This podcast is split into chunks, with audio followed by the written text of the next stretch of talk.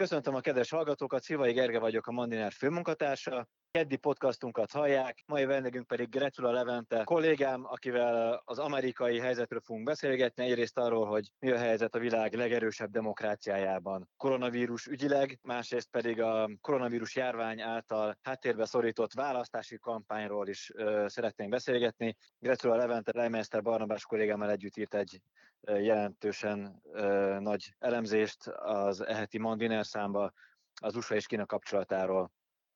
Kedves Levente, azon az első kérdésem, hogy ugye Donald Trump a legális bevándorlást is a járvány miatt időre fel akarja függeszteni. Hogy látod, hogy kezelik Amerikában a koronavírus helyzetet? Jó napot kívánok, én is köszöntöm a kedves hallgatókat.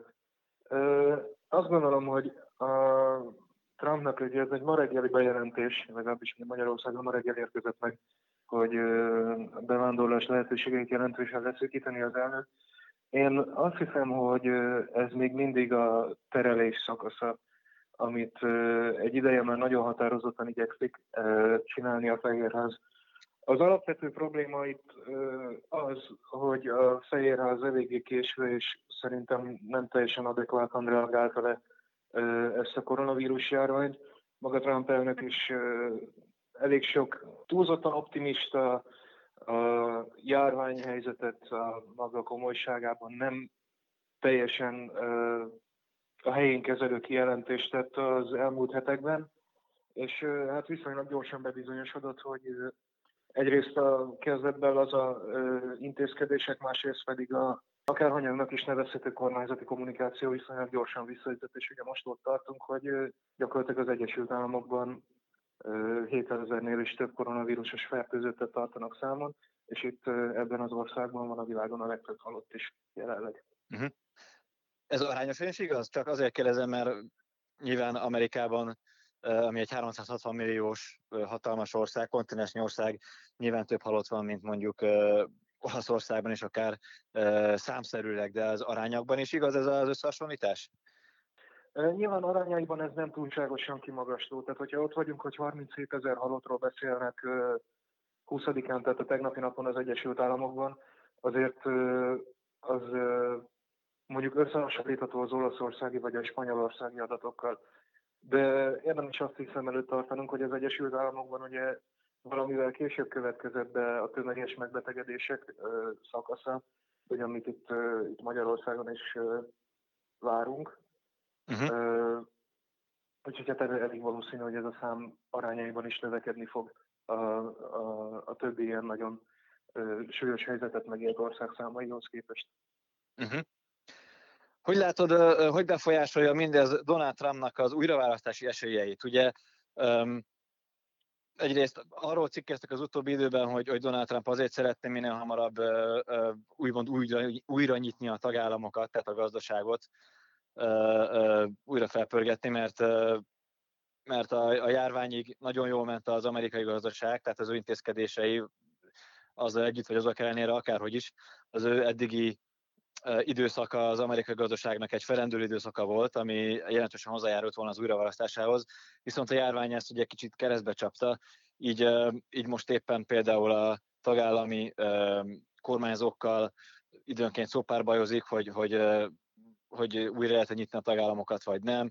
Most épp az olajvállalatoknak szeretne ugye segítséget nyújtani, és hasonló. Viszont a választás a nyakunkon van, így legalábbis történelmi léptében mérve, mert hogy ősszel itt az elnök választás.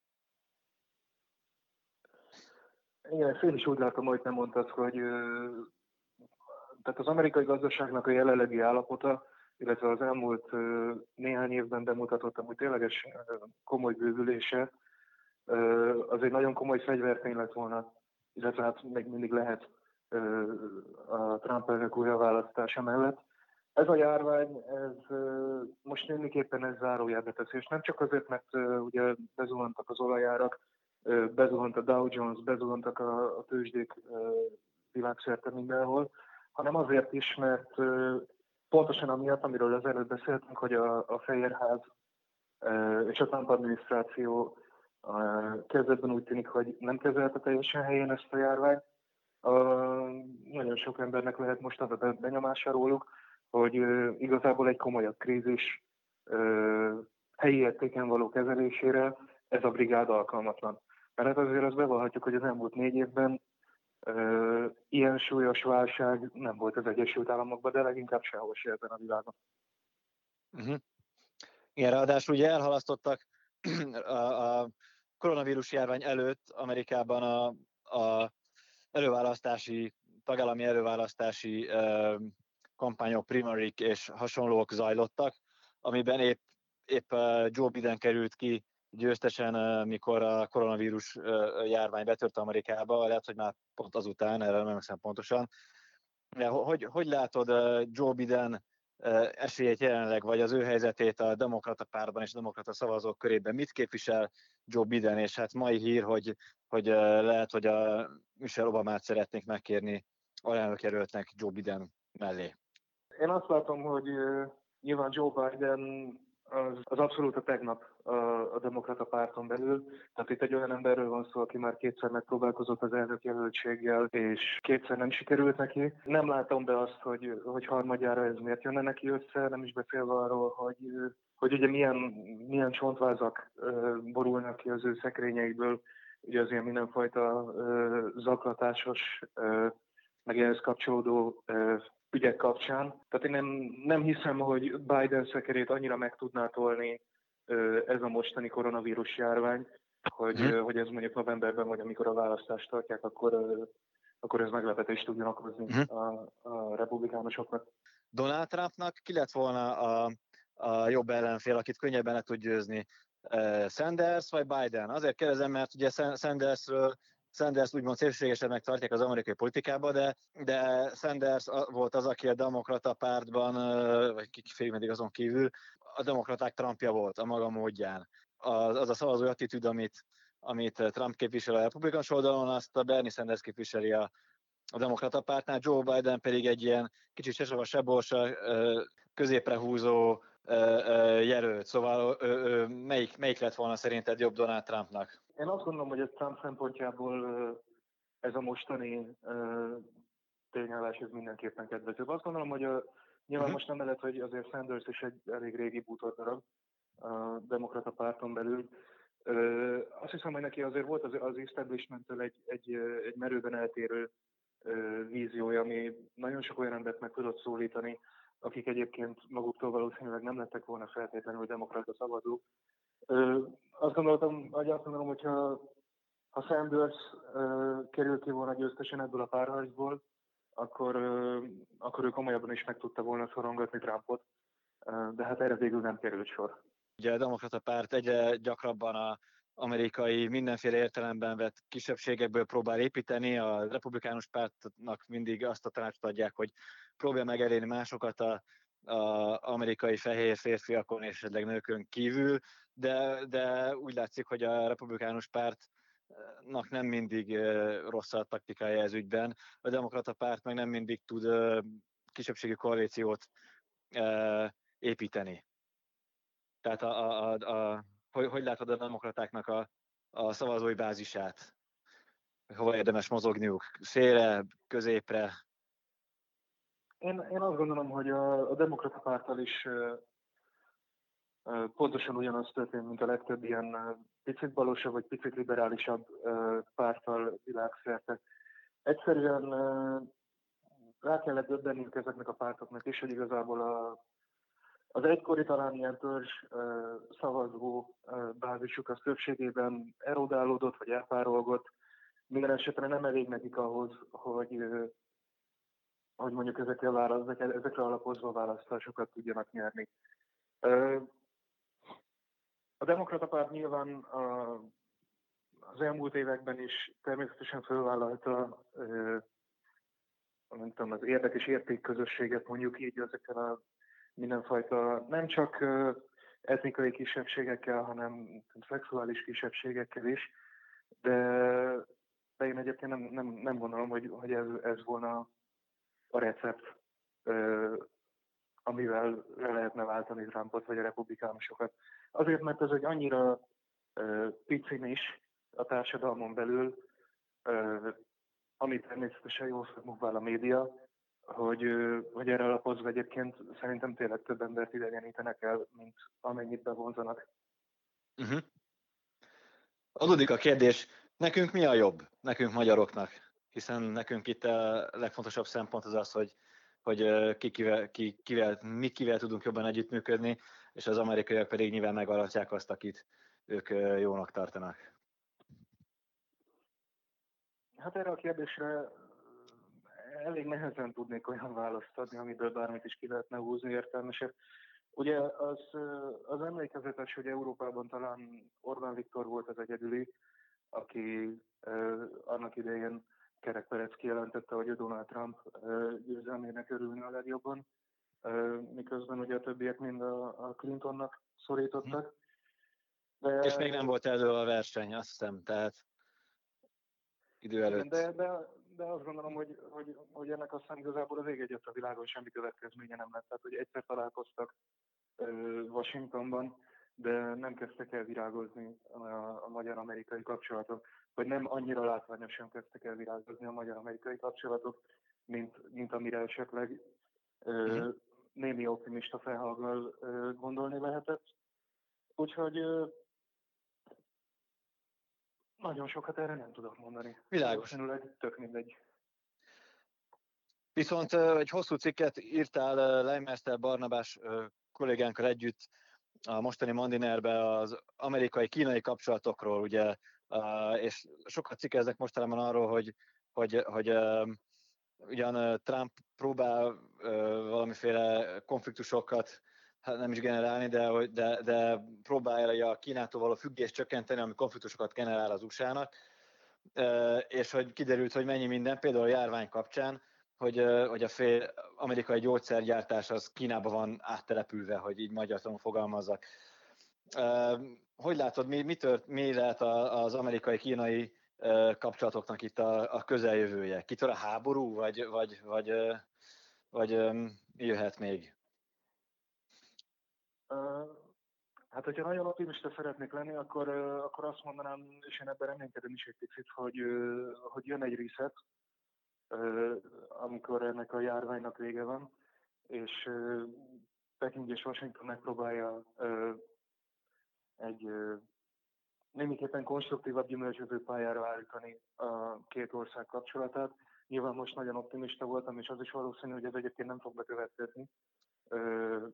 Maximum kis enyhülésre tudok most gondolni, ami egyébként már a koronavírus járvány globális válása előtt is elkezdődött, ahogy a felek e, igyekeztek megoldásokat keresni arra, hogy ki tudjanak hátrálni abból a kereskedelmi háborúból, amiben belebonyolultak az elmúlt években. E, szerintem azt érdemes látni, hogy az Egyesült Államok és Kína érdekei egy csomó tekintetben, és nem csak gazdasági tekintetben, de a geopolitikát is ide lehet sorolni, vagy akár az ideológiai, vagy ezeket a nehezen megfogható soft power aspektusokat is ide számítva ütköző pályán vannak. Tehát az, hogy Kína a dél-kínai tengeren szeretne hegemónná válni, és ilyen apró, lakhatatlan szigeteken balhézik Vietnámmal, meg a Fülöp-szigetekkel. Ez persze valami viccesnek hangzik, de hát ugye tengerjogi értelemben az ott az 200 tengeri mérföldes sugárba ki lehet terjeszteni uh-huh. a stratégiai fontos gazdasági övezetet. Uh-huh. Ez, ez stratégiailag olyan, olyan jelentőségű előre mozdulások ezek, amikre igazából egy csomó ideig szerintem nem is voltak figyelmesek nyugaton, egészen addig, amíg ezeken a kis szigeteken el nem kezdtek kinőni a csillagos kínai zászlók a földből, illetve az ember alkotta kínai kis szigetek el nem kezdtek kinőni a dél-kínai tengerből. Uh-huh. Ez ö, ember alkotta csomó... kis szigetek? Tehát mesterséges szigeteket épített Kína úgy súnyiban, vagy ö, hogy képzeljük ezt el? Ez körülbelül így érdemes elképzelni, tehát Kínának egy ideje van egy ilyen agendája, amikkel, vagy hát amivel az a cél, hogy ezeket az aprócska kis sziklákat, mert egyébként tényleg ilyen, ilyen aprócska szigetcsoportokat érdemes elképzelni, amik így vannak a tengerben. Tehát pár négyzetkilométer az egész, akár 100-120 aprócska szigetből álló szigetcsoportnak az alapterülete. Ezeket igyekszik Peking bővíteni, katonai szempontból használhatóvá tenni, tehát kikötőket, repülőtereket építeni, telekommunikációs állomásokat berendezni. Ezek a sztorik igazából akkora, tehát hogy ezek egy elő, ez egy előre haladott sztori, ez nem most kezdődött. Uh-huh. Most azt mondják, hogy Kína tulajdonképpen azon dolgozik, hogy ezeket a megszerzett területeket valamennyire megszilárdítsa az uralma alatt. Mert uh-huh. az teljesen világos, hogy ebben a régióban van egy csomó tök régi amerikai szövetséges, Japán, Fülöp-szigetek, Fülöp-szigetek ugye az egyik legrégebbi, akinek ez nem csak a stratégiai érdekeit sérti, de tulajdonképpen a biztonságára is kockázatot uh-huh. jelent. Más kérdés, hogy mondjuk a Fülöp-szigeteket Kínának nagyjából sikerült letenyereznie ezzel a One Belt, One Road, tehát egy út, egy övezet kezdeményezéssel, amivel ugye Magyarország is benne van, uh-huh. meg még számos európai és ázsiai ország is, de, de teljesen világos, hogy Kína mondjuk ezen a, a szintéren is nyomul. És az is úgy tűnik, hogy nem nagyon tűr ellentmondást. Uh-huh. Világos. És egy utolsó ö, apró híre térnék ki, amit ö, ma találtam a amerikai lapokban, és érdekel, hogy, hogy, hogy mit gondolsz róla. Kicsit ilyen napban nézős, vagy, vagy inkább fekete felhőkre nézős hír, a sötét kútban nézős hír, ugyanis Kim Jong-un észak-koreai diktátort megműtötték, ha jól ha jól vettem ki a hírekből, és egyes találgatások szerint, amelyek találgatások a CNN-hez kötődnek, tehát nem valami, tehát egy nagy, nagy hírcentrumhoz, lehet, hogy nagyon rosszul van az észak-koreai diktátor, és állítólag az amerikai adminisztráció, tehát a Trump kormányzatban a szakértők már keresik a, azt, hogy, hogy vajon ki lehet majd az utóda, tehát kriminológiai találgatás folyik. Más portálok viszont cáfolták, hogy ennyire rosszul lenne Kim Jong-un. Nyilván nem az a kérdés, hogy szerinted jó van-e, vagy rosszul, mert ezt innen nehéz volna megítélni, de ha, ha rosszul van Kim Jong-un, akkor vajon mi jöhet Észak-Koreában? Hát erre a kérdésre nem, nem, nem annyira egyszerű válaszol. Nyilván Szemjánban is nagyon bonyolult, és a kívülálló számára gyakorlatilag teljesen értelmezhetetlen mechanizmusok mentén működik a különböző kádereknek a kiválasztása, akik esetleg olyan magasságba is érhetnek, hogy mondjuk Kim, Kim, Kim Jong-un is megközelítheti.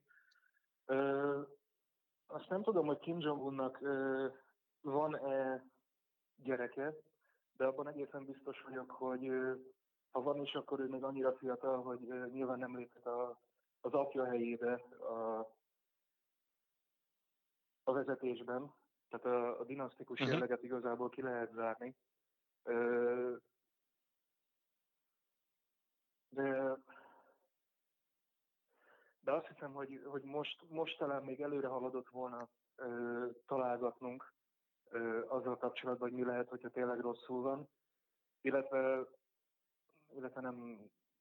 Az, az minden esetre nem valószínű, hogy hogyha rosszul is van, és esetleg, esetleg hatalom, személy, személyváltás következik be a, a, a diktátor pozíciójába, hogy észak van rendszerváltás lenne, ez, erre gondolom nem számíthatunk.